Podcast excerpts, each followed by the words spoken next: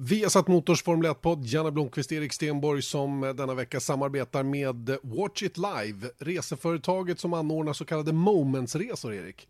Ja, precis. Och det är väl egentligen Watch It Lives grej är ett steg upp från de flesta andra researrangörer inom sport.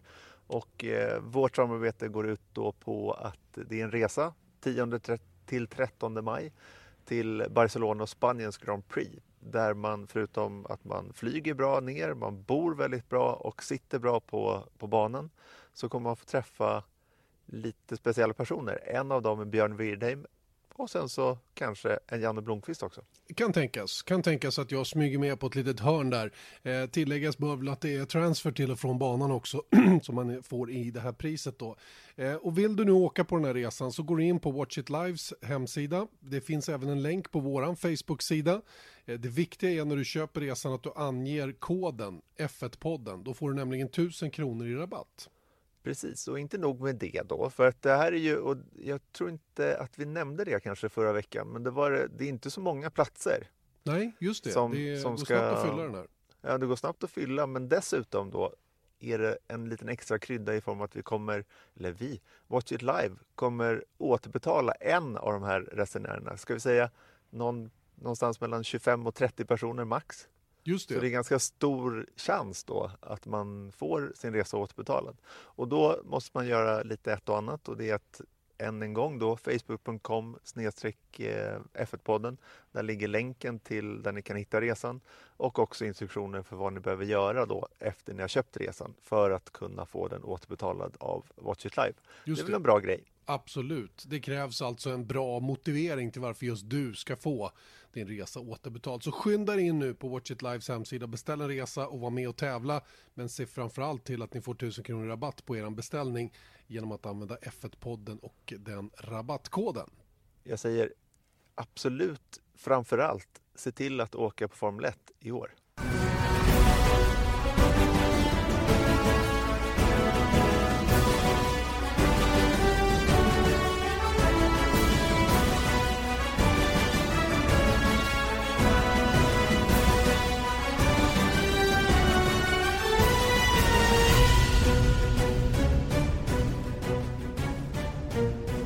Vi har satt Motors Formel 1-podd, alltså Janne Blomqvist, Erik Stenborg, tisdag och eh, det är eh, lite spännande att vi har del två av Eje-Älg-intervjun kvar att leverera. Över mm. en timme godismaterial med Eje-Älg fortfarande kvar som vi inte har hört. Den långa delen är kvar. Exakt. Eh, och den fick bra respons förra veckan, tycker jag är kul. Eje står högt i kurs så att säga hos, hos våra lyssnare och det gillar jag. Han, han är en stabil farbror och det ska bli kul att se hur den här andra delen mottas också. Mm. Nu är vi lite mer framme i modern tid också. Exakt. Eller vi rör oss ditåt i alla fall. Men vi får väl på det programmet än. Men vi har några, eh, ja, några F1-punkter. Ja, lite nyheter. Lite, lite nya nyheter. Det skulle man kunna säga och eh, framförallt så är det en ganska anmärkningsvärd grej som, som, eh, som kom igår. Eh, nämligen att ryske Nikita Mazepin eh, kommer att få ett, eh, ett testprogram för Formel 1. Jag eh, antar att det är hans pappa som står för, eh, för, för slantarna då, eh, oligarken. Eh, och Nikita Mazepin vill ju då göra, eh, han, vill göra, han kommer att göra ungefär som, som Lance Stroll gjorde när han förberedde sig. Med den stora skillnaden att han nu kör en bil som faktiskt är av modernare snitt. Eh, mm. Lance Stroll var ju tvungen att köra en bil som inte alls var det som han sen skulle köra, nämligen 2017-bilen. Det Nikita Mazepin kommer att göra eh, ihop med sin Formel 2-racing eh, det är att han kommer att köra ett privat testprogram då i en 2017 års Mercedes. Mm. Eh, det vill säga den bästa bilen i fältet då, eh, det året. Och den påminner ju väldigt mycket om 2018 och 2019-bilen. Mm. Bra, bra grej att kunna göra om man vill ta sig till Formel 1. Så nu vet alla, om det är några juniorer här som sitter i gokart så, så vet ni vad ni, ni måste börja samla pengar nu. Exakt. Eh, det var ju, i, jag menar, i Lance Strolls fall så var det ju extremt. De köpte ju två bilar och hade liksom motorer och 25 anställda mekaniker. Eller de fick väl använda 25 personer från Mercedes för att sköta motorerna och sådana saker. Då. För det var ju fortfarande de här hybridmotorerna som man använde då. Mm. Och äh, det, här är, det här är helt otroligt egentligen att det har gått så här långt. mm. kan jag tycka. Och lite hänger ju det ihop med att det är så lite testning. Eh, men å andra sidan har ju många vänt på det och sagt att testning behövs inte på det sättet längre med tanke på att det finns moderna sätt att simulera saker på eh, och bantestning så att säga är inte lika eh, effektivt som det var kanske för 15-20 år sedan. Nej, jag kan tänka mig att det är så sett till så utveckling av bil och när du väl, jag vet inte liksom, jag kan inte säga med magkänslan i, i form så att säga att eh, man blir inte bättre av att träna som förare. Det tror jag att man blir. Men sen så tror jag att det är en stor skillnad om Lewis Hamilton behöver göra ett testprogram för att komma upp i fart och en Nikita Mazepin eller en Lance Stroll eller för all del en Giovinazzi eller en Leclerc eller vem det nu är som är rookie det året. Nej men visst är det så Erik att, att eh, det är klart att en, en, en, juniorförare som är på väg upp har stor nytta av att köra bilen så att säga. Va? Men jag tror ändå att det, det, är liksom, det har löst sig ändå för de allra flesta bara genom att få simulatortid och sen de här pre-season testningarna. Men, men eh, den här, det är väl uppenbart att familjen Mazepin har de vill att han ska vara på en annan nivå redan när han börjar än vad han annars skulle vara och då blir ju ett sånt här testprogram, men du kan ju tänka dig vilka pengar vi pratar igen. Ja, men ska, liksom jag undrar, Nikita Mazepin då, presentera honom till, till att börja med. Han alltså, är ju rent förarmässigt. Han är GP3-förare de senaste säsongerna och eh, kört för ART. Eh, hans pappa är som sagt eh, väldigt eh, välbärgad ryss. Eh, och eh, det är ju ehm, tanken nu då att han ska ta steget upp då i GP2, eller förlåt, Formel 2 då till kommande säsong. Eh, och ihop med detta då så ska han ehm, köra då den här Mercedes W08, det vill säga Mercedes ehm, 2017-bil då. Som blir den, den han kommer att förbereda sig i på något sätt då. Eh, och eh, han eh, har tävlat i GP3-serien då under 2018. Han körde Formula 3s Europamästerskap för Hightech 2017 eh, och blev 10 i det mästerskapet. I GP3 under 2018 blev han tvåa. Så att, eh, han, han, har, han har marscherat ganska raskt framåt faktiskt. Eh, och innan den här säsongen i Formel 3 inte gjort några egentliga resultat överhuvudtaget. Och jag måste säga att jag avpoliterade Nikita Mazepin när han testade Formel 1-bil första gången eh, för mm. Force India redan 2016 som en, som en gimmick. Jag trodde inte att det skulle bli någonting av honom överhuvudtaget och jag vidhöll det när jag såg honom köra Formel 3. Eh, tionde plats i det mästerskapet var ju inte jätteimponerande va? men han fortsatte att få testa för Force India och eh, i ärlighetens namn under GP3-säsongen förra året så, så gjorde han det riktigt bra och blev som sagt tvåa. Så att eh, man, jag får nog revidera min uppfattning om honom. Att det här är någonting som är på väg att hända helt mm. enkelt. Va? Och, eh, han, är ju, han är ju född eh, 1999 så han har ju tiden för sig. Va? 19 år gammal, eller blir 20 år då nu 2 mars. Så han är ju väldigt ung fortfarande och eh, jag tror att ehm, vi, vi, får nog räkna med att han kör Formel 1 inom något år eller två år. Mm. Men det är det jag undrar, okej, okay, han kommer väl förberedd då så när han väl sitter i F1-bilen på en grid då 2020 om det skulle ske 2021 eh, då jag menar, jag undrar på visst hjälper det honom förberedelsemässigt men rent så här ryktesmässigt så tror jag att det är rent av katastrof att göra en sån här grej. Ja, jag är benägen att hålla med faktiskt. Och, och mycket tack vare vad vi såg, eh, eller mycket på grund av det vi såg runt omkring eh, Lance Stroll. Som mm. inte fick något gott, någon god cred. Han, han, liksom, eh, han fick en gräddfil och hela den grejen. Va? Och, och då är ju naturligtvis, eh, vad ska jag säga, då är ju eh, förväntningarna högre också när de väl kommer in i Formel 1. Ja. Och det kan man inte säga att han, han, han rosade inte marknaden direkt. Första testerna var väl av mer när han var på banan och Ja, det var strulig start för honom helt enkelt. Och han, har, han har kämpat hårt för att äh, återfå sitt anseende. För han är ju ingen dålig förare, Lance Stroll. Va? Och det är Nej. ju uppenbart inte heller Nikita Mazepin. Eh, jag tittar lite grann på hans pappa här. Som för övrigt är vitryss. Han är ju åtminstone född i Minsk, om jag läser helt rätt här, 1968. Eh, Dimitri Mazepin och han är nu eh, styrelseordförande för Uralkem. Så det här mm. handlar ju om, ehm, det här handlar ju om uh, oljepengar då som sagt. Och um, Eh, det, det, ska bli intressant att se vad, vad, vad, den här satsningen kommer att leda till och i vilket team man kommer att hamna. Vem är beredd att ta emot honom och, och vilka förutsättningar kommer någon att behöva? Under vilka förutsättningar kommer någon att behöva de här pengarna som, som, de, som naturligtvis följer med Matsepin mm. så småningom? Mm. intressant att följa som sagt. Har vi fått eh, en ny, eh, vad ska vi säga, en ny ribba satt när det gäller att vara paydriver? Ja, jag tycker liksom om, om det är menar, vi har diskuterat det här många gånger. Vad är en paydriver egentligen? Men ja. jag skulle kunna, är benägen att säga att det här, det här är en paydriver. Ja, visst. visst sen, visst. sen så kan man ju få liksom, göra en toppenresultat i F2. Jag, menar, jag säger inte att han inte förtjänar sin plats i Formel 1 ändå. Men det är ju eh, ganska bisarrt att tänka sig att nu är det andra gången som det här sker på ganska kort tid. Mm. Att privata initiativ liksom Alltså, och, alltså det är så enorma pengar som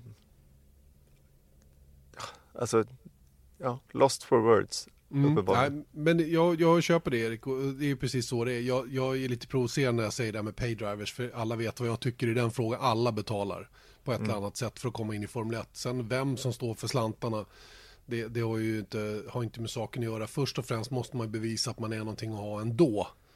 Mm. Eh, men när papperna går in på det här viset så blir det naturligtvis lite, lite speciellt. Eh, det är ingen mm. tvekan. Va? Men, men jag menar, du drog, eh, drog vi någon jämförelse med Lewis Hamilton, att han behövde öva. Jag menar, hur såg det ut när han kom in och så vidare va? med 4-5 tusen testmil innan han kom in mm. i Formel 1. Liksom. Så, mm. jag menar... ja, men, det, det, men det är det jag menar, att det är mm. det som är, det, det var ju gängse normen då, då var inte testning ett problem Nej. att få till.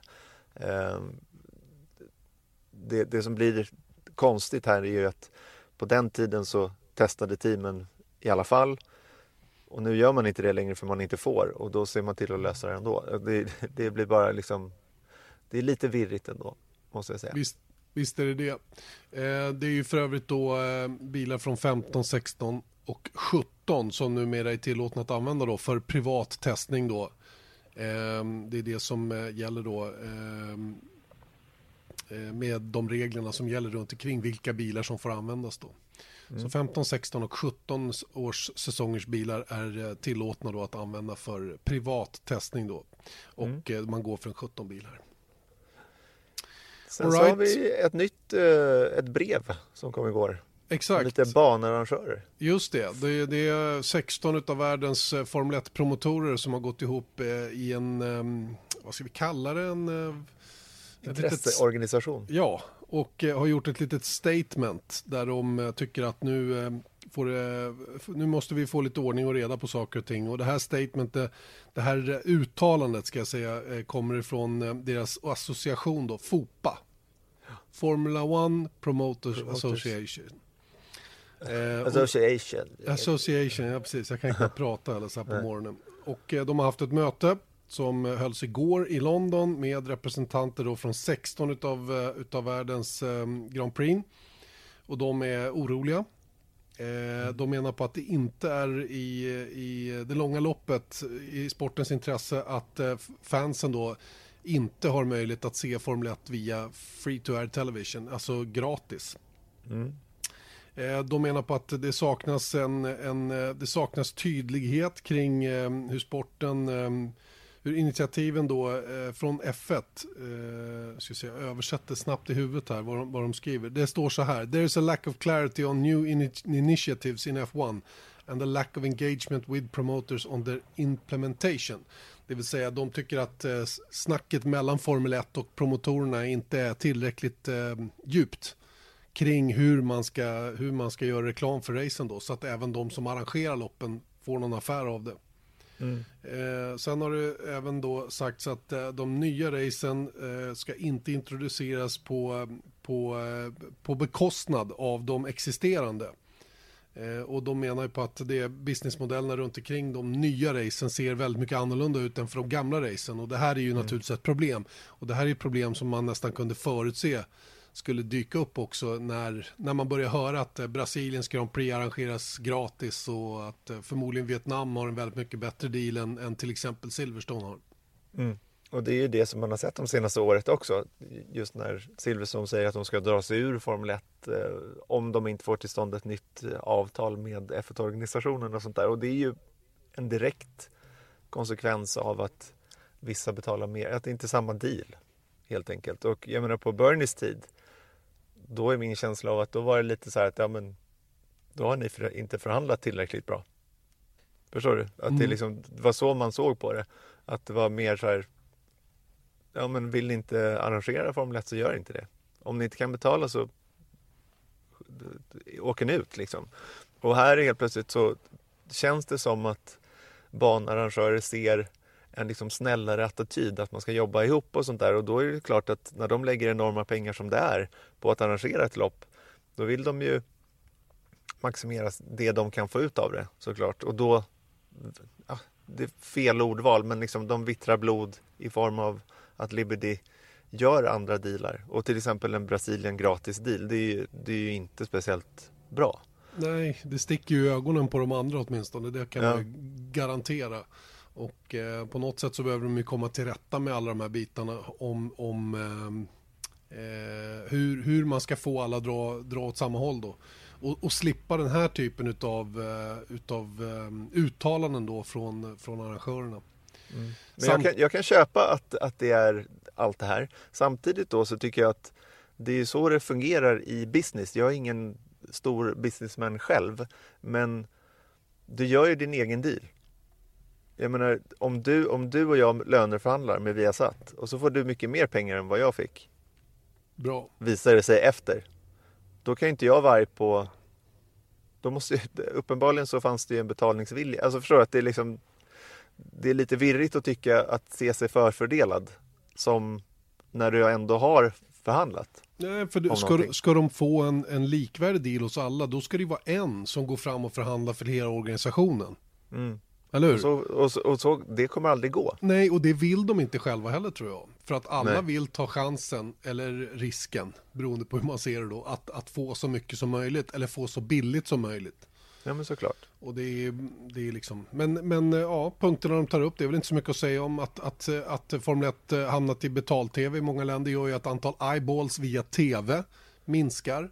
Mm. Eh, här jobbar man ju stenhårt från Formel 1 sida att hitta de ögonen någon annanstans till exempel genom sociala medier, YouTube och liknande. Och där är man ju på god väg tycker jag att hitta tillbaka till antalet mm. människor som ser någonting från Formel 1 varje helg.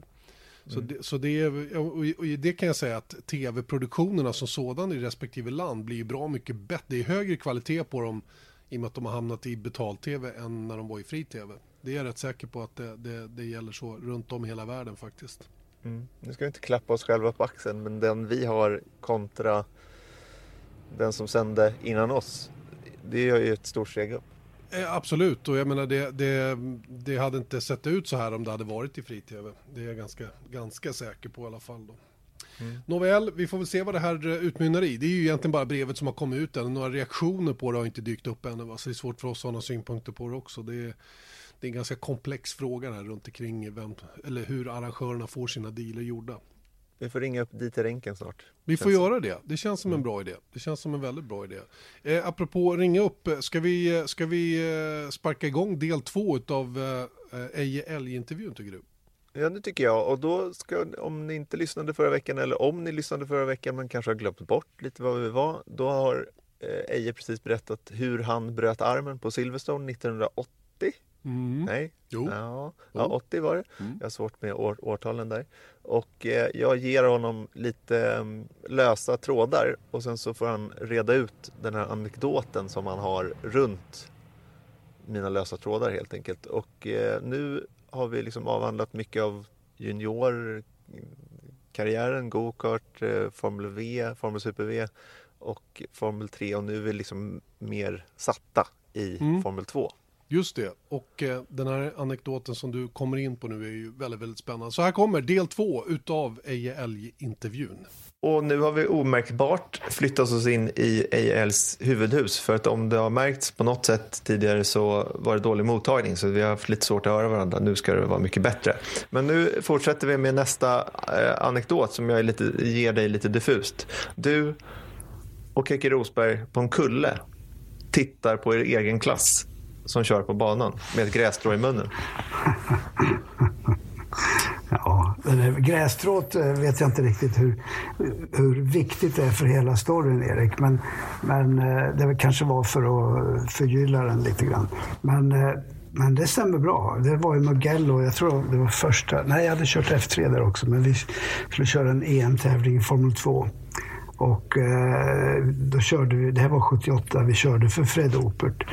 Och eh, där, eh, efter att vi hade käkat lunch så tog Keck och jag bilen och åkte upp på en kulle och satte oss där i solskenet och pratade lite grann om livets eh, väsentligheter och eh, njöt och så vidare. Och så småningom så körde träningen igång och vi satt högt där uppe på kullen och tittade. Och efter att de hade kört i typ fem minuter, så om det var jag eller om det var Kekke, det kommer jag inte ihåg, som sa Men du, är inte det här Formel F2-gänget?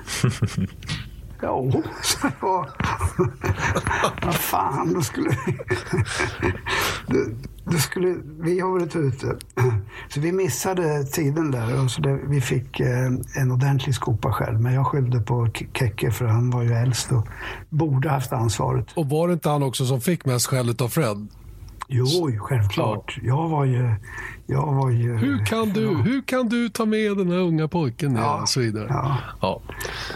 ja det, är, det är en rolig, rolig episod. Fred Opert är ju nästan ett avsnitt för sig egentligen. För det är ju en sån karaktär inom racingvärlden och, och du och Kekke ja. körde där. Eh, jag vill ta upp en till episod som, som du och Kekke var med om. Och eh, Ni mötte en ung kille från Frankrike. Han har en lite speciell näsa vill jag minnas.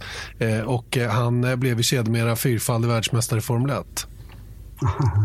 Ja, eh, Allan Prost.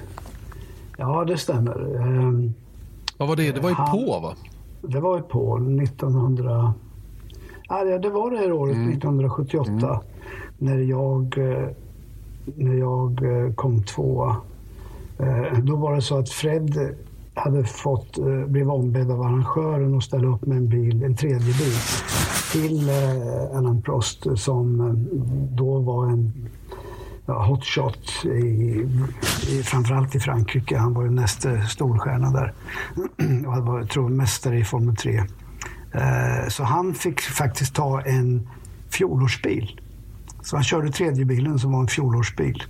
Och eh, Kekke var ju redan då, han var ju storfräsare, hade vunnit race och sånt där.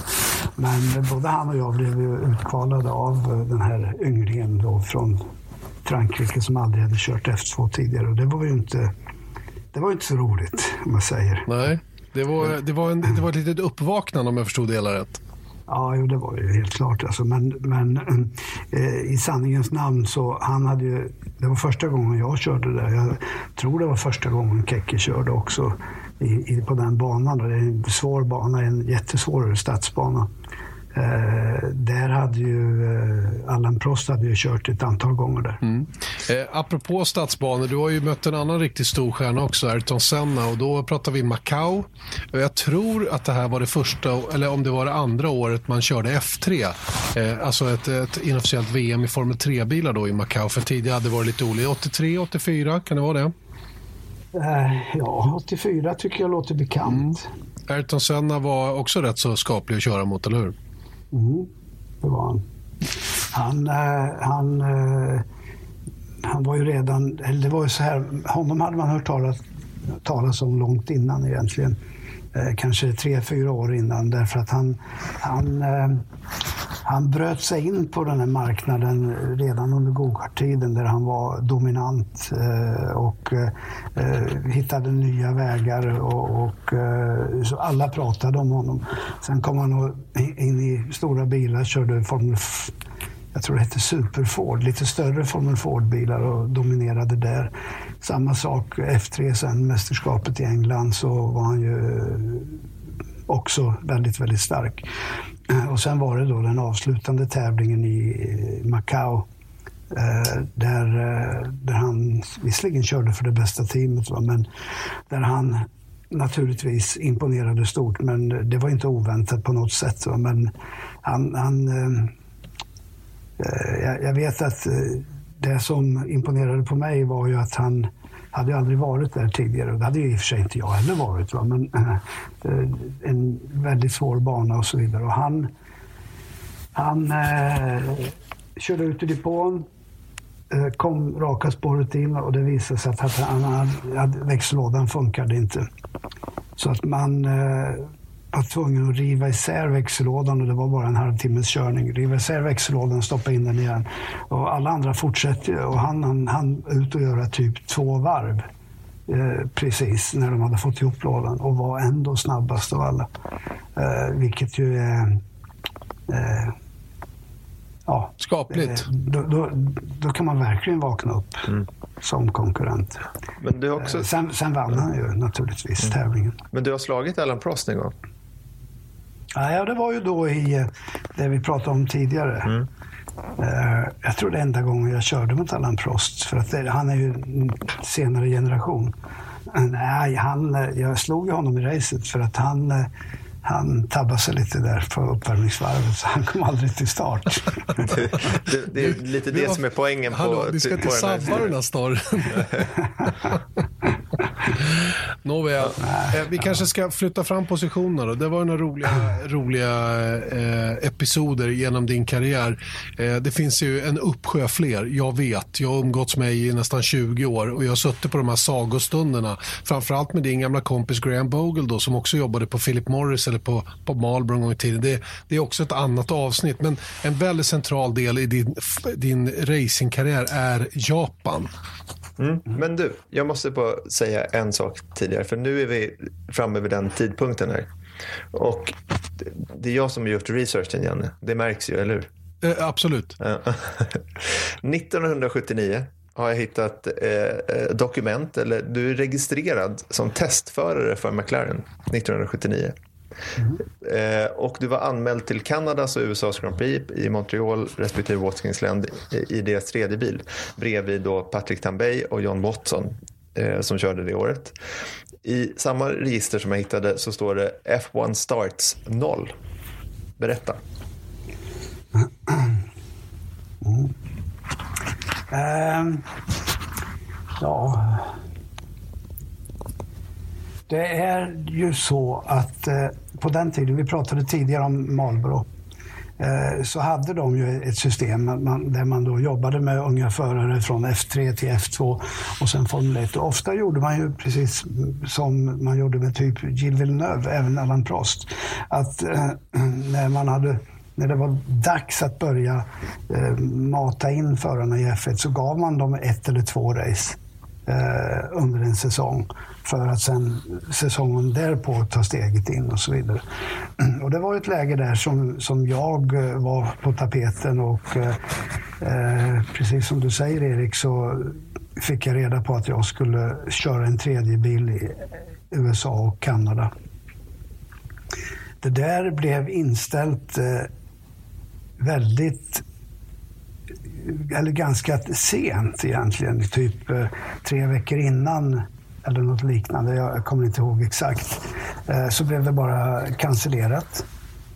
Eh, därför att eh, vad man hade gjort då var att man hade hållit en, en tävling utanför mästerskapet på Imola. Och man, den tävlingen hölls till förmån för det jord, jordbävningsdrabbade San Marino mm. som var arrangör där. Och grejen var då att eh, eh, i den tävlingen så, det var, jag tror det var Watson och Tambay som var ordinarie förare, så jag tror att båda två kraschade svårt där på Imola. Och helt plötsligt så fanns det inte material över till en tredje bil. Mm. Så den, eh, den resan blev inställd för min del och eh, eh, ja, det var väl synd kanske. Annars har man kunnat haft det i sitt CV mm. åtminstone. Eh, sen, eh, sen eh, liksom, det går inte bara hitta på enkla anledningar för att man inte uppnått någonting speciellt. Jag hade säkerligen haft chansen att eh, tillförskansa med andra möjligheter längre fram. Men precis som Janne var inne på där, det blev ju lite tufft med tanke på att Eh, jag var borta hela nästföljande år, körde ingenting i stort sett och fick börja om från noll. Och under en, en 12 månaders period så kom det upp nya killar, till exempel Stefan Lillövs blev ju, blev ju hårt promotad av Marlboro från Sverige. Och eh, ja, kanske, att, eh, kanske att han ersatte mig där. Mm. Men eh, då då vill jag vara noga med att påpeka att eh, han eh, gjorde det inte oförtjänt. Utan eh, det är mycket möjligt att jag saker och ting hade gått lite, lite för lätt för min del, för min karriär fram till den här tidpunkten. Och eh, jag, jag borde nog kanske ha lagt manken till lite mer och haft öron och ögon öppna på ett annat sätt för att förstå att att eh, man måste hålla sig framme, vilket inte kanske inte jag gjorde tillräckligt. Formel 1 var en Shark Tank även på den tiden? Mm. Ja, typ. Mm. Men vad hade du behövt göra annorlunda för att komma dit då? Och vad, vad, liksom, vad krävs?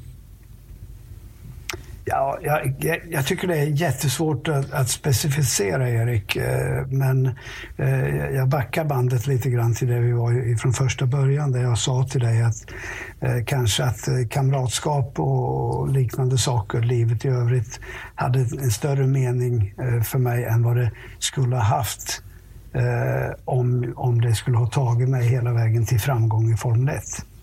Eh, jag tror att man behövde kanske ha lite mer dedication, vilket jag ha, säkerligen hade i ett tidigare skede. För då vet jag ju att man, man, eh, man gick över jag gick ju på vatten, eller på så här, eh, Gick över lik, ja. Ja, gick över lik för att uppnå det man skulle. Men, men det... Nej. Jag, jag vet inte ärligt talat. Men jag inbillar mig att jag skulle kunna ha varit eh, lite mer hänsynslös om det hade varit tillräckligt. Jag skulle ha varit det om det, hade varit tillräckligt viktigt för mig. Mm. Men det var så nära det kom Formel 1. Men, eh, och som Janne då var inne på så, så blev det andra bullar i Japan. Ja, Japan körde jag första gången 1979 och då var det faktiskt Kekke som eh, tog med mig dit. Eh, tog med mig dit. Utan han, han, eh, han skulle köra där. De körde, de, det var en period i Japan där de inte fick köra Formel 1-tävlingar. Och det var efter att eh, Ronny och eh, Villeneuve hade kraschat och en funktionär eller åskådare omkom. Och då förbjöd de under en period eh, Formel 1 och så körde de istället eh, Japans Grand Prix med, för Formel 2-bilar på Suzuken. Eh, i november som, som är det vanliga. Och då bjöd de in eh, europeiska, amerikanska och andra förare till den här tävlingen. Så att, eh, 1979 så skulle Kekke köra och eh, även jag fick ett erbjudande att köra för att jag, kör, jag körde samma team som Kekke men eh, en årsgammal bil. Och det var jag och det var eh, Pironi, Eddie Shiver, Mark Surer, Beppe Gabbiani och, några fler. Ja, vi, vi, var ganska många, eh, utom, utom utlänningar sett från Japan, japaners ögon, som körde. Och, och, det gick ganska bra faktiskt för mig. Jag kom fyra, men höll tredjeplatsen länge. Fick släppa Kekke när det var ett eller två varv kvar. Eh, och det där gjorde att jag eh, sedermera fick eh, Eh, väldigt ofta fick erbjudande att komma till Japan och köra. Och jag körde väl någon tävling där 81 också tror jag. Nej, vänta. Till och med 80 tror jag körde någonting innan jag bröt armen. Men sen 81 så eh, var det dags för Japans Grand Prix igen och då eh, blev jag inbjuden och jag tog pole position och dominerade hela Eh, ja, testerna och kval och, och hela den där biten. Eh, eh, men sen så kanske jag hade kunnat vunnit, jag vet inte. Men jag fick punka vänster fram in i första sväng. För det var jag och en, en annan japansk förare som hette Hoshino som stötte ihop lite grann och min, mitt framhjul skar sönder, eller framdäck skars sönder. Så jag kom ingenstans där. Men jag hade väl ändå lyckats på något sätt imponera så att jag fick eh, eh fortsätta erbjudanden och komma under följande år, 1982. Så var jag där och körde en massa, massa eller ett flertal tävlingar och det gick väl bra. Eh, men då hade jag inte, då hade jag fortfarande fokus på att jag ville komma tillbaks och, och ha få ytterligare en chans i F1. Så att jag gav mig inte hän helt, helt ut till Japan. Utan jag eh, höll fast vid den europeiska ambitionen. Men eh, när den säsongen var slut så insåg jag att eh, det var lönlöst och eh, då tackade jag ja till att komma på en mer eh, fast basis till Japan. Tillsammans med Toyota va? Nej, eh, första året så var det enbart med Team Le Mans eh, som var ett av de större teamen på den tiden. finns fortfarande kvar. Och det gällde bara då för Formel 2 egentligen. Men eh, ganska snabbt därefter så dök det upp eh, eh, erbjudanden om andra klasser. Eh, grupp C, eh, standardvagn och, och så vidare. Och Toyota, jag tror jag började... Nej, första året körde jag för Grupp C för Dom, en annan tillverkare där borta. Var det, var det LP-skivan, du och Tiff Nidell va? Med mm, den där, just, det. just det. Det var just ett det. popband ja. som var sponsor kommer jag ihåg. Ja, det stämmer bra. Och där körde vi också Le Mans det året. Så att det... Det, det bara växer till sig. Till, till saken hör alltså att den här tidpunkten då var ju en otroligt expansiv period i, i Japans eh, framförallt motorracinghistoria. Eh, ekonomin var eh, väldigt, väldigt stark där borta. Och eh, racingen började växa till sig på riktigt allvar. Eh, stora tillverkare, Toyota, Nissan, Honda, eh, pumpade in pengar. Däckstillverkare som växte sig stora eh, växte också till sig. Och, eh, eh, det, det var en väldigt, väldigt eh, stark tillväxt. Och jag var väl egentligen, jag, Vern Schuppan och Jeff Lees eh, tror jag var de första som kom dit och valde att basera vår verksamhet fullt ut där borta. Eh, I, I, samma veva så började det lockas över mer och mer förare från Europa och USA. Så den den gruppen av förare växte sig ju oerhört starkt de närmsta fem åren.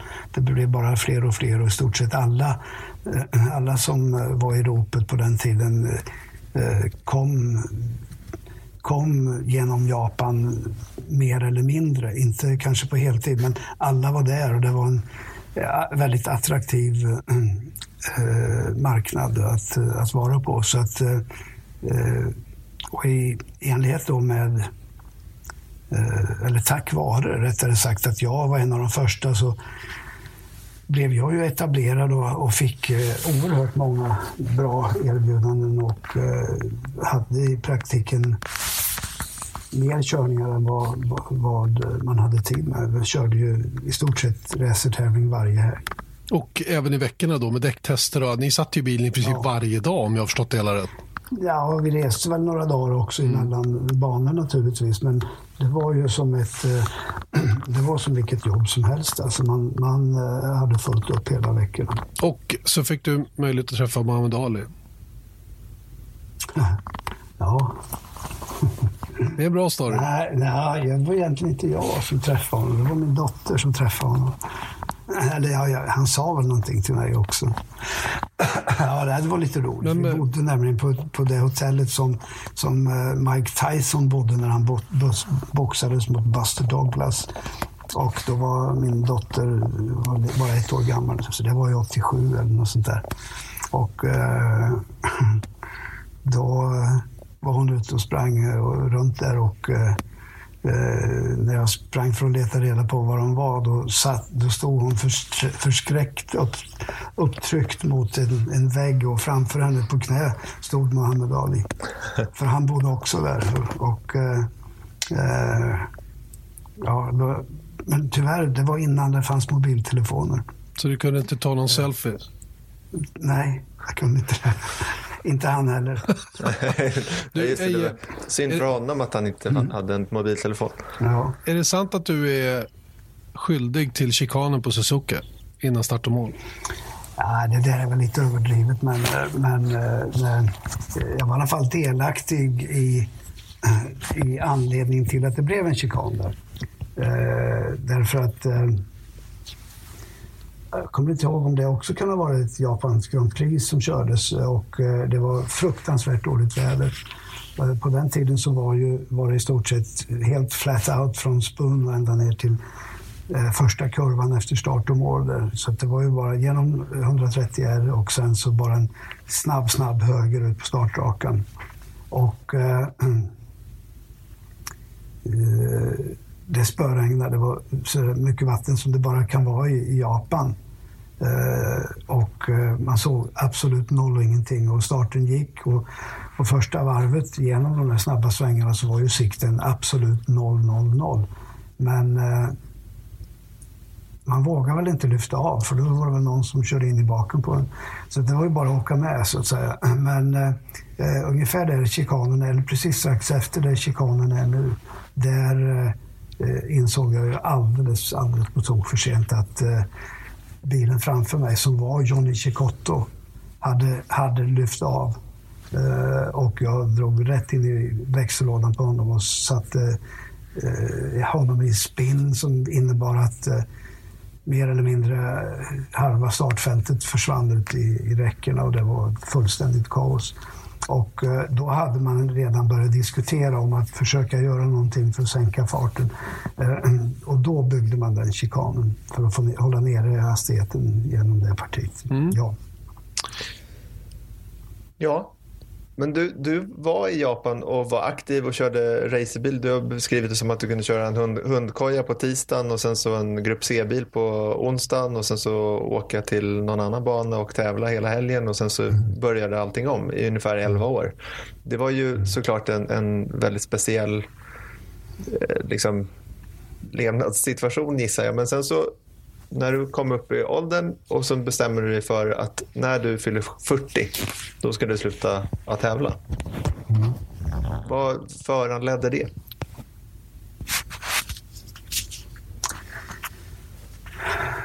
Ja, hörru du. Eh, ja, jag eh, har en förenklad version av det egentligen. Eh, Men om man, man går lite djupare in så skulle jag väl eh, Eh, om vi tar det först, eh, så skulle jag väl vilja säga att det här som du just beskrev, att man, man tävlade eh, kontinuerligt, man testade, tränade kontinuerligt. Det innebar ju att det kunde vara lite svårt att motivera sig vissa gånger. I alla fall för min personliga del.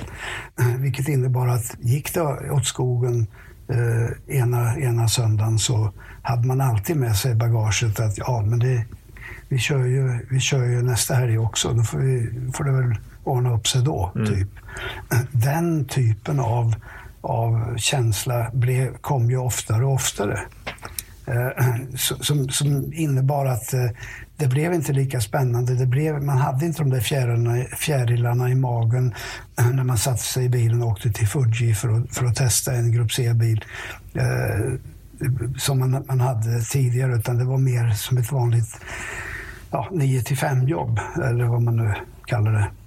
Eh, så att, eh, det, det, blev kanske lite svårare att, att motivera sig. Men sen så det, det, är den ena sidan. Den enklare versionen, den jag ofta använder mig av, ju, eh, och den är inte helt oviktig, det var ju det att jag, jag kände då att jag började närma mig en period i livet där jag, jag eh, eh, eh jag kände att eh, om två år är jag 40 och har aldrig gjort någonting annat vettigt än att kört racerbil. Och eh, väntar jag i tio år till, då är jag 50 och då, då känns det som att det är för sent. Så jag kände att ska jag hinna lära mig någonting annat eh, vettigt och, och kunna förkovra mig på ett sätt som gör att resten av livet blir, blir värdefullt så börjar jag, börjar jag lägga av när jag är 40. Så jag, när jag var 38 så bestämde jag mig att jag kör min sista tävling när jag 40, blir 40 och sen lägger jag av. Och det gjorde jag. Mm. Men körde du inte Le Mans 94?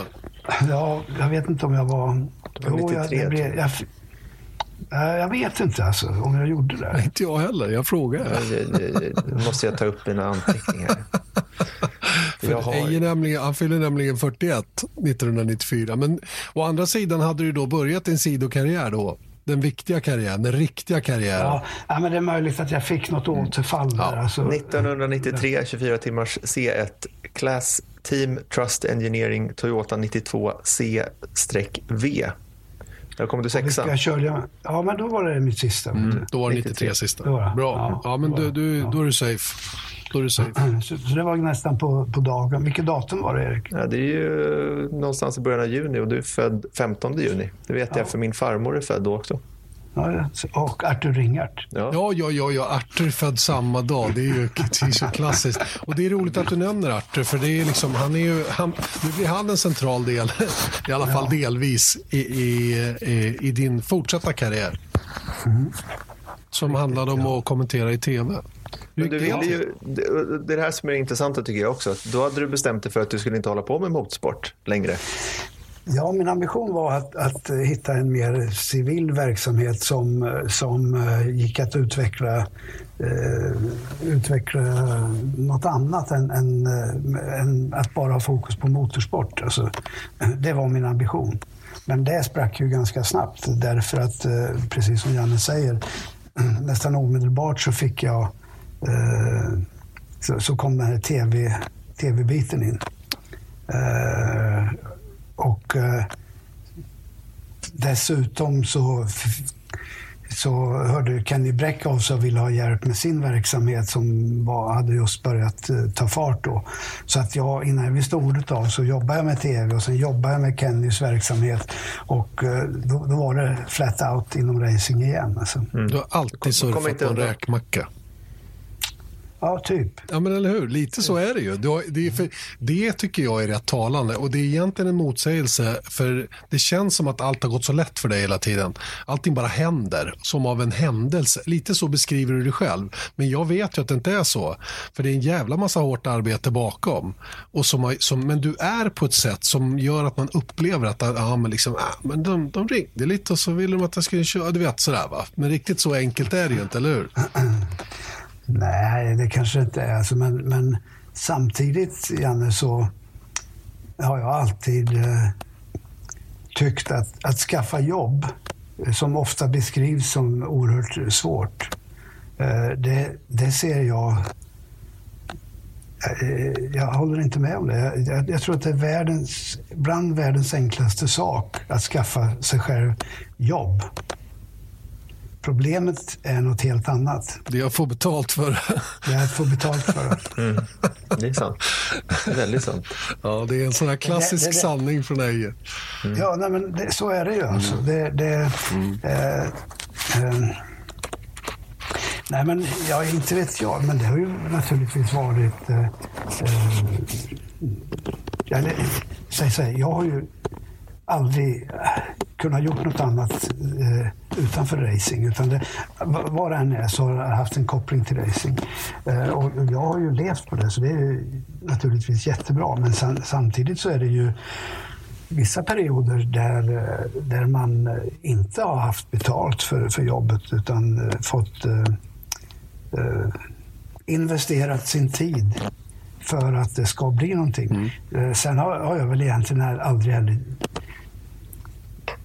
jag har aldrig haft den där fokuseringen på att, att tjäna en, en massa pengar. Eh, det är inte det som har varit drivande utan det har snarare varit att lyckas göra de olika projekten som man blir involverad i så framgångsrika som det bara går. Och då kommer pengarna automatiskt? Oftast? Ja. Eh, jaha. Mm. Ja, men jag, men jag, jag, jag ja. tänker så lite så här, ju, det är min liksom grunda livsfilosofi att så, här, så länge du gör någonting som du tycker är kul så gör du det bra. Och om du gör det bra då får man till slut betalt för det. Kanske ja. inte om man håller på med poesi idag, kanske. Men jag menar, det finns ändå... Det, i, I eh, relation ja. till andra poeter så kanske Erik, det blir så. Erik, poesi skulle inte funka för mig. Nej, Nej jag tror inte det ja, det, jag tror inte. Men jag vet, jag vet vad du menar. Ja. ja. Eh, men, men eh, låt oss komma vidare då. För då är du, apropå räkmacka då. Du började kommentera 1994. Och 93 i 93. april. Ja, okej. Okay. Det var faktiskt, varför jag säger det Erik. då körde du för... Le Mans. När, ja, precis. När... Ja, men det var samma år. För att det var ett litet så här, det började lite trevande det här på TV4 då. De, de sände väl inte alla race det året tror jag. Var. 94 nej, var första nej. hela säsongen. Eller hur? Mm. Ja, jag tror det. Mm. Mm. Ja, fortsätt. Men, men du, hör här. Det här eh, uttrycket äh, räkmacka, det, det är... Äh, jag vet inte riktigt. Det är gott. Ja, ja visst är det det. Det är inget fel på det. Va? Men det, det får... Ja, det finns en risk att det framgår då som att... Eh, att det får en negativ klang, ja. Men det, så är det ja, ju inte. Lite grann att man, man, man eh, på ett orättfärdigt sätt har tagit sig fram. Och det är så enkelt är det ju inte. Alltså, utan det är ju, precis som du säger, det är ju hårt arbete och planering som, som krävs. Mm. Men då när vi kommer in på kommenteringen då som du har gjort sedan 93, inte 94. Första felet jag har i min Nej, jag kanske har någon annan fel i min is. Men i alla fall det känns som du nästan alltid har gjort det med lite motstånd. Förstår du vad jag menar då? Stämmer det? Ja, men just att vara journalist, kommentera, det har du liksom inte riktigt kommit överens med trots att du har hållit på med det i hur länge som helst. Ja, äh, det stämmer. Bra. Och äh, jag, jag har egentligen aldrig tänkt på det, Erik. Men nu när du säger det så erkänner jag att eh, det ligger någonting i, i det faktumet.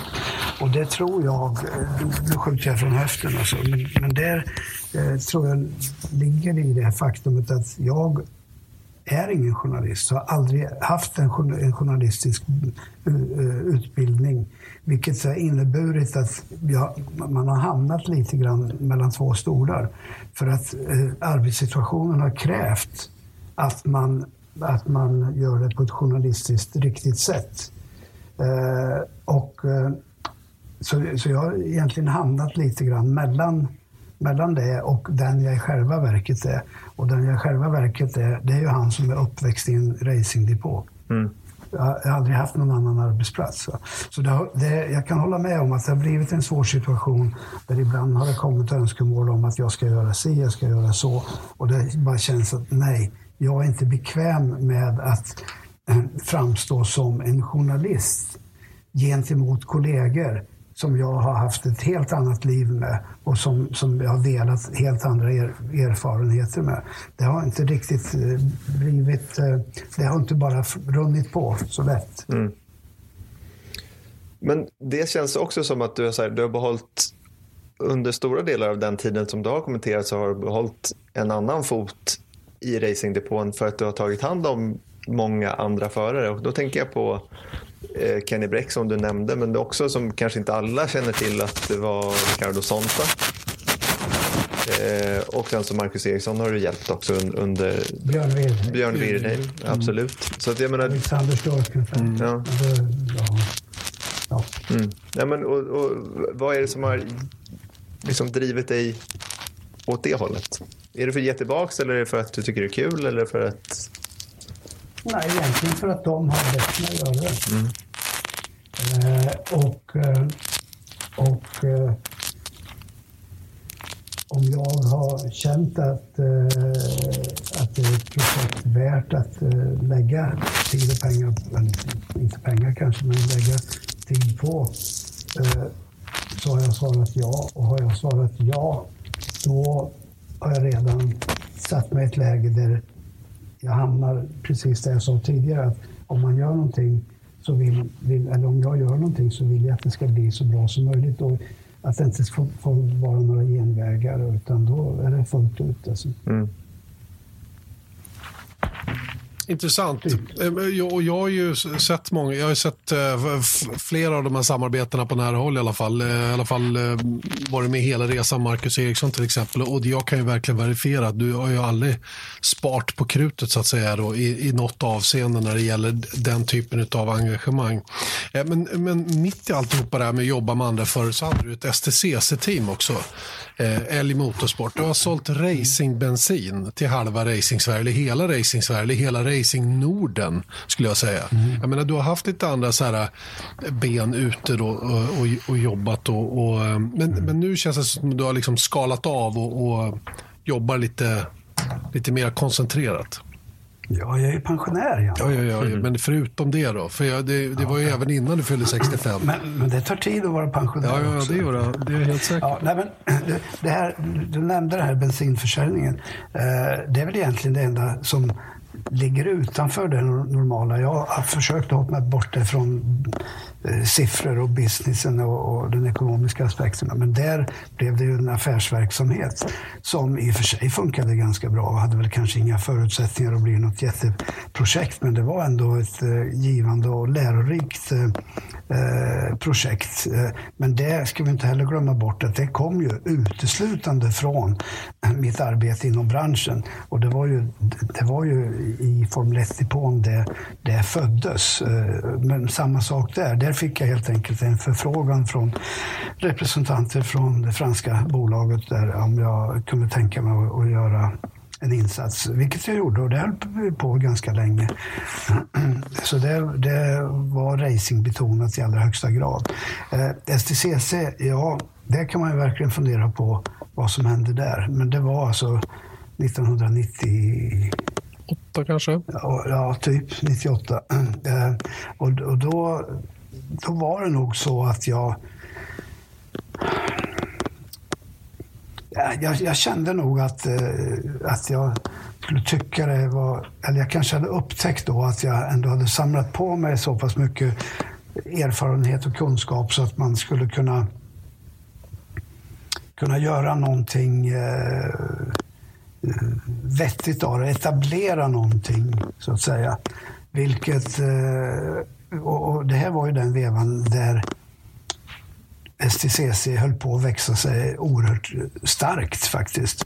Eh, just då så kom vi tillbaka in på gamla kontakter. Keke, hade, Keke Rosberg hade ett team i Tyskland och han och jag hade pratat och han hade väl nämnt någonting. Men skulle inte ta över en av våra bilar och, och köra i Sverige och så vidare. Så det var där idén föddes. Va? Eh, och sen i ett tidigt skede så eh, träffades jag och Kalle Rosenblad. Eh, just det, Kalle hade jag varit med tidigare då på, eh, på Daytona. Eh, fick en, han, han skulle köra där och hörde av sig till mig och undrade om jag hade lust att följa med där som hjälpred eller assistent eller rådgivare, vad, det nu kan ha varit. Mm. Så jag gjorde det. Så där kom den kontakten in. Och eh, eh, vi, han och jag bestämde då gemensamt att okej, okay, vi gör en, ett försök att etablera ett uh, team i STCC. Och så köpte vi en bil av, av uh, Kekke och drog igång det där. Och där hängde ju faktiskt i förvånansvärt länge. Jag skulle tro... 02? Ja, något sånt där. Mm. Och under ledning av Anders Olofsson, den gamle storföraren, under stor mm. del. För du hade ju inte riktigt tiden att, att involvera dig på det sättet, va? var det så? Nej, du vet, sen 2002 kom ju Toyota in i Formel 1 och där fick jag ju också ett eh, uppdrag via deras eh, huvudsponsor Eh, som innebar att eh, jag fick lägga mer tid på, på Formel 1-banorna igen. Eh, men då hade ju Anders och jag redan jobbat fram en fungerande, ett fungerande samarbete med STCC, så det tog han hand om. Ja. Mm. Och sen så då när du slutade köra, nu hoppar vi lite här, det blir en ganska lång podd men jag tror folk kommer uppskatta det ändå. Det är att du har sagt att efter du slutade köra så har du aldrig varit sugen på att köra mm. racerbil igen. Trots det har du gjort det. Vi kan komma in på flera grejer. Men nu kommer en till sån här ledande fråga som jag gärna vill ha eh, din syn på. Hur känns det att veta att du ska dö? Då tänker jag på 2009. Så har du sagt att du var, inte, du var inte rädd för att dö, utan du visste att du skulle dö. Mm. Berätta om det. Grattis! Mm. Men det här måste, det måste ju vara lite djuplodande och lite sådär. Ja, det enda som var djupt, det var ravinen. Ja, visst, jag ska, jag ska, jag, okay, jag ska dra den historien. Om du lovar mig att komma tillbaks till det som du börjar med, frågan med. Mm. Eh, det här att jag aldrig ska köra mer och så vidare. För där har jag en liten grej mm. som jag vill eh, ta upp. Och för en, för en gång för alltid eh, klarlägga vad jag menar. Eh, men jag, jag har kört eh, Dakar två gånger. Första gången var jag i lastbil i, i Afrika och det var en eh, sällsynt eh, skrämmande upplevelse på många sätt och vis. Andra gången körde jag, första gången det kördes i Sydamerika, jag startade Buenos Aires eh, söderut och över till andra sidan kusten, upp genom Chile och sen tillbaka i, i eh, Argentina. Och då körde jag och min min eh, co-driver eller partner eh, Paolo eh, Nissan... Pajero? Just det, Nissan. Mm. Ja, det, nej, Eller Outlander. Ja, kanske. Mm. Vad sa du? Ja, Outlander, var inte det? Nej, ja, det var en sån där mm. i alla fall. Och ja, det gick ju ganska skapligt i, i och för sig. Vi hängde med runt och det var ju, nu är det mycket kortare. Jag tror vi höll på 21 dagar då. Mm. Och det var ju naturligtvis eh, det är ju sån idioti att göra det i privat regi. Alltså, det, det finns inte. Det, det, är bara idioter som gör det. Eh, och då räknar jag in mig själv. Alltså, för det är, ju, det är ju livsfarligt och det är eh, Eh, en utmaning. Och det men det är lärorikt på många sätt och vis.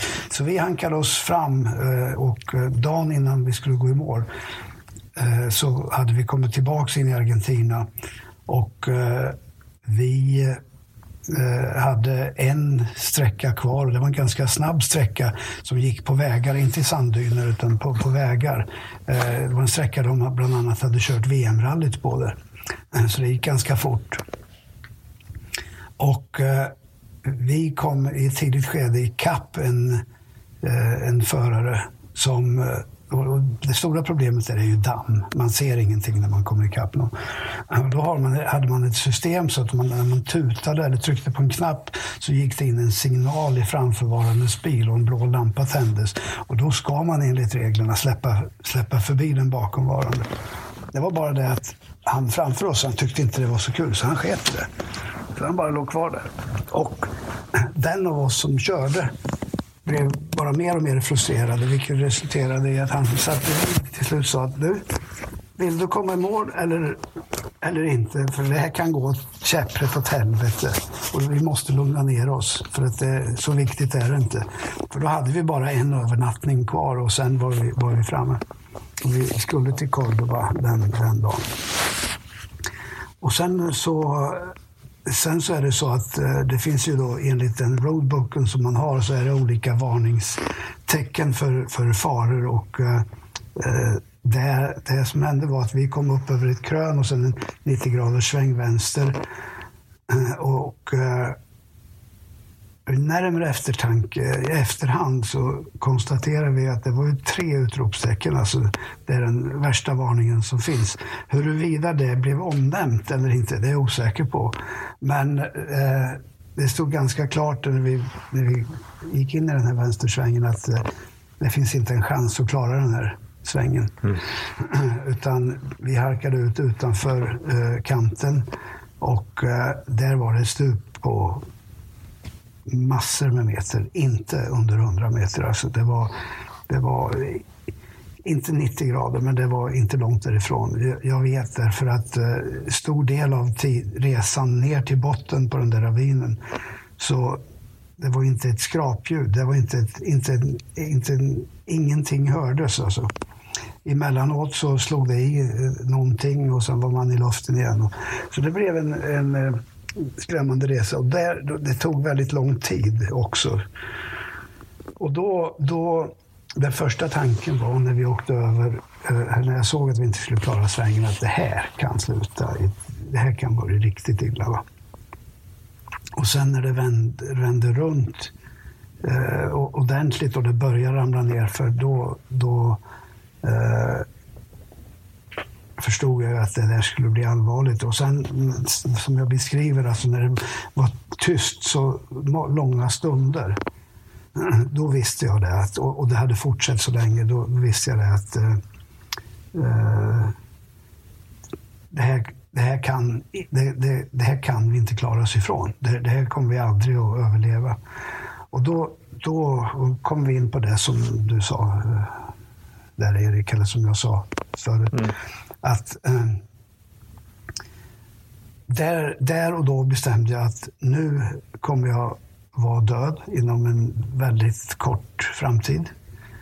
Och min enda tanke som, slog, som kom till mig, okej okay, man hinner tänka så ofantligt mycket om man börjar tänka på de där hemma och livet i största he ja, i stora hela.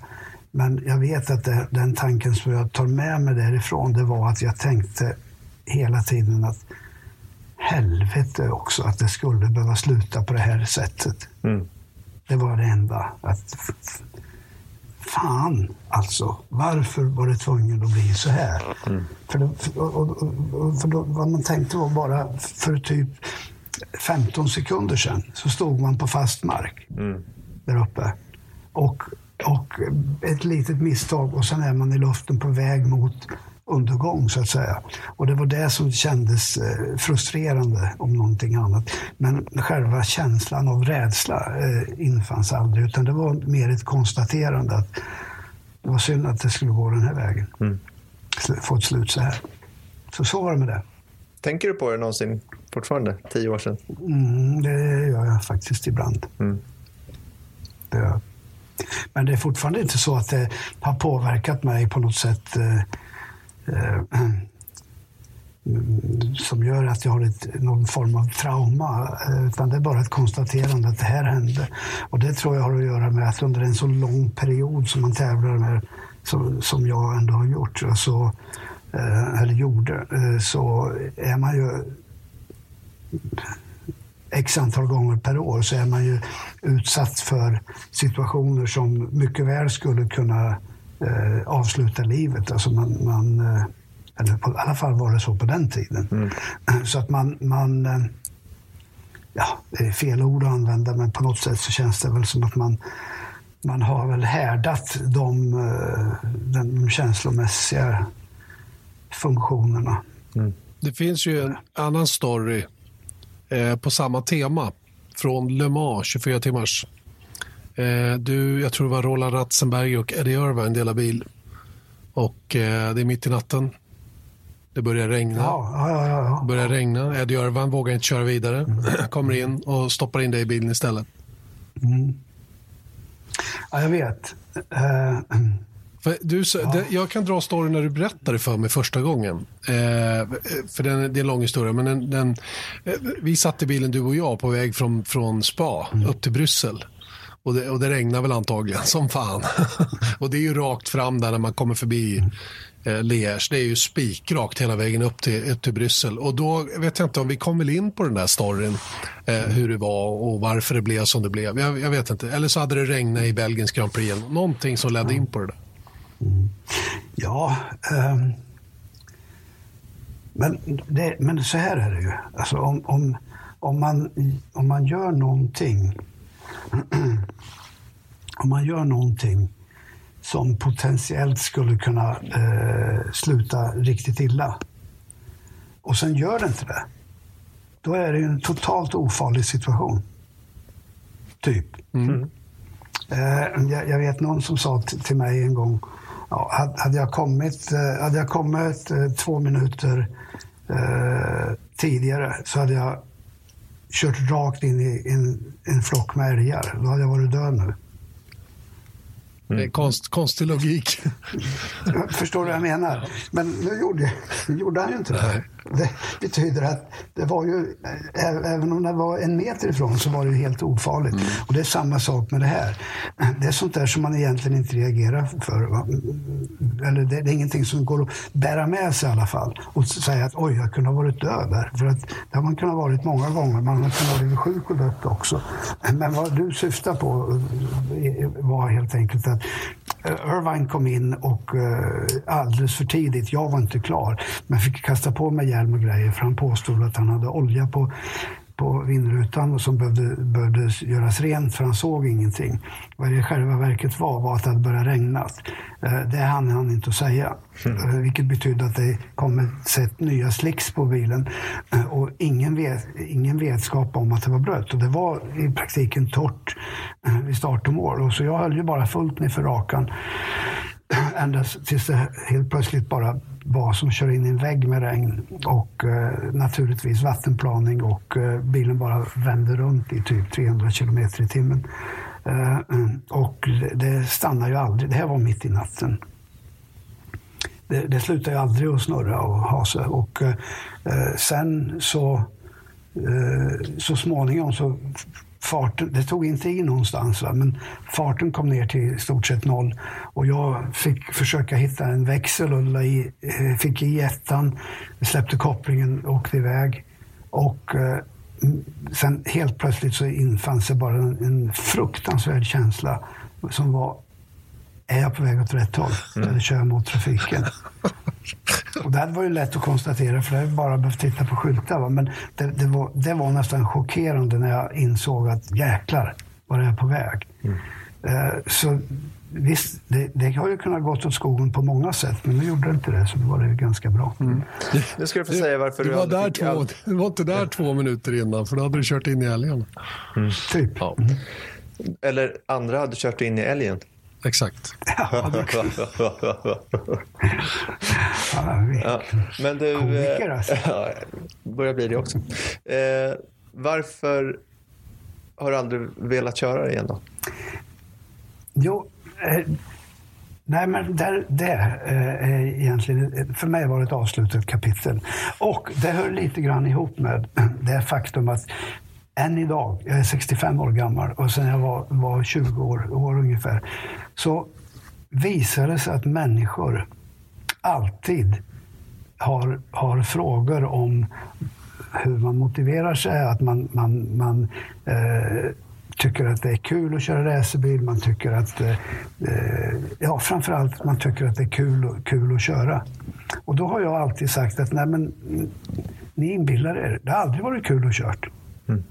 Det har aldrig varit kul att köra racerbil. Och det vet du Janne, vi har pratat om. Jag, jag, jag har dragit upp exempel. Massor med gånger. Att, att uh, det är uh, obekvämt, det är illaluktande, det är anskrämligt högljutt. Det är anskrämligt på alla sätt och vis.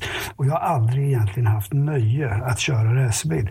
Och de, det, det, de uttalandena har alltid föranlett väldigt djupa diskussioner som har varit svårt för mig att, att nå fram med till alla. För att alla går därifrån och skakar på huvudet och säger ah, ja, men det måste ändå vara lite kul. Mm. Det har inte alls varit kul. Jag fick bekräftat i lördags hör och häpna, av ingen mindre än, jag vet inte vad han heter i förnamn, Hirscher, han som vinner alltid. Marcel Hirscher. Marcel Hirscher. Mm. Säger på svensk tv. Alpint. Att, alltså. alpint. Mm. Och, han, och, han, är ju inte lite framgångsrik om säger. Verkligen inte. Han säger att han, han får frågan, eller han, journalisten säger någonting, men det måste ju ändå vara lite kul. Och så, nej. Det är helt värdelöst. Jag i praktiken hatar att tävla. Mm. Det finns ingenting som jag tycker om med att tävla. Jag vill helst vara någon annanstans. Mm. Det enda som är kul, det är när man kommer ner och vet att man har vunnit. Mm. mm.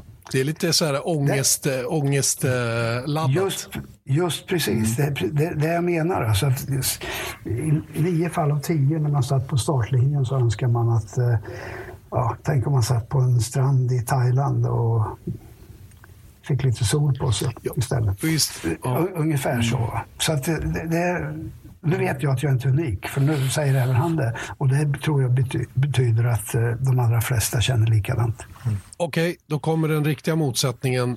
Du har eh, inte bara kört eh, Formel 3 igen, din gamla bil från 1977. Chevron-bilen med Marlboro-reklam som vi pratade om tidigare. Du har även tillskansat dig en Formel 1-bil som Ronnie Pettersson kört vid ett tillfälle, en March 711. Eh, varför gör du det då?